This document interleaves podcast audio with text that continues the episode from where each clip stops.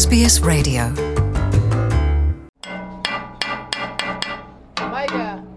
ضیاء الرحمن سهار تر ماخامه د کابل په یو برخه کې اهنګری کوي د وای د ورځې یو نیم تر 300 افغانیو پورې پیدا کوي چې په دغه اندازه پیسې حتی نشي کولای چې خپل اته کسيزي کورنۍ ته وچه ډوډۍ هم برابر کړي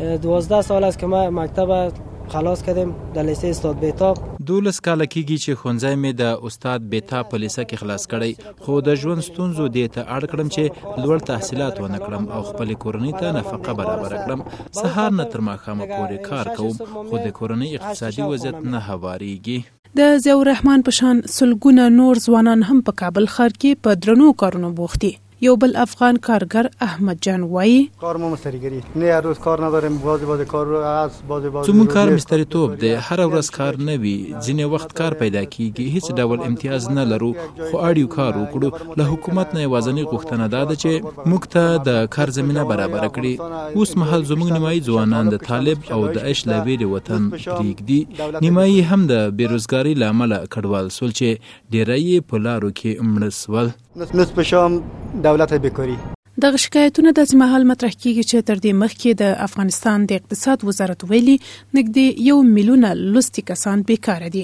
بلخوا د افغانستان د کارګرانو سراسري ټولنې یا امکا وایي دا مهال پنځلس میلیونه کسان د کار په شرایطو برابر دي چې نه میلیونه یې بیکار او یا هم لنډمهالي کارونه لري د دغې ټولنې مشر معروف قادري وویل د روغتیايي بیمې نشتون د تقاعد د حقوقو نه لرل، د کاري مصونیت نه شتون هغه ستونزې دي چې دا مهال افغان کارګران ورسره مخ دي. مصونیت کاري قطعا وجود نداره، حتی ما خودم مصونیت ندارم. د کاري خوندیتوب اصل نشته، حتی خپله هم کاري خوندیتوب نه لرم. کارګران خوندیتوب نه لري، تقاعد هم نشته، باید کارګرانو ته د بیکارۍ، روغتیا او نورو برخو کې بیمې ورکړل شي.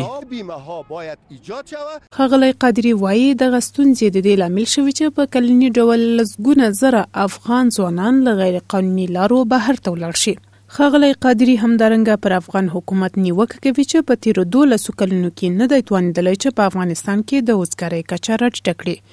د نوموړي په وینا له همدې کبله یې پریکړه کړې چې ځینې افغان کارګران چې مسلکي زده کړې لري ځینې نورو هیوادونو ته واستوي خو د کار او ټولنیزو چارو وزارت بیا وایي د دغه وزارت دنده یوازې د تګلارې جوړول او د مسلکي زده کړو ښودل دي په افغانستان کې د وزګارۍ د ستونزې ترڅنګ هغه کسان چې کارونه هم لري ډیری د کار له قوانینو محروم دي خو د کار او ټولنیزو چارو وزارت وایي د کار قانون په بشپړه توګه پلی کیږي د کار او ټولنیزو چارو وزارت وايي، د مسلکي زده کړو دېرش مرکزونه لري چې شاوخوا سل زرو کسانو ته پکې روزنه لیدلې او شپږ اتیا سلنې ته یې د کار زمینه هم برابره شوې ده. د چارواکو له خوا د خپرو شویو شمېرو له مخې، شاوخوا څلور لکه او پنځوس زره تنه په دولتي بوستونو کې او بیا هم نیم میلیونه په خصوصي سکټور کې په کار بوخت دي. د دې ترڅنګ په افغانستان کې د ماشومانو د ملاتړ سازمان وایي په دغه هېواد کې د کارګرو ماشومانو شمېر مخ په ډېرېدو دی. دغه سازمان د مسؤلینو په وینا افغان حکومت تر دې دمه د کارګرو ماشومانو د ملاتړ موافقه لیک نه دی لاسلیک کړی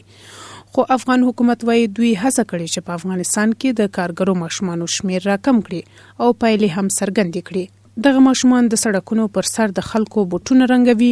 ژاولې او پلاستیکي کڅوړې خرڅوي، سپېلنۍ کوي او یا هم د فلزکارۍ، ترکاڼۍ او د موټرو په ورکشاپونو کې په کارونو بوخت دي. خو افغان چارواکي وايي، څو کاله مخکې د کارګرو ماشومانو شمېر میلیونونو ته رسېده چې د دوی د هڅو په پایله کې شمېر اوس تر دوو میلیونو راټیټ شوی.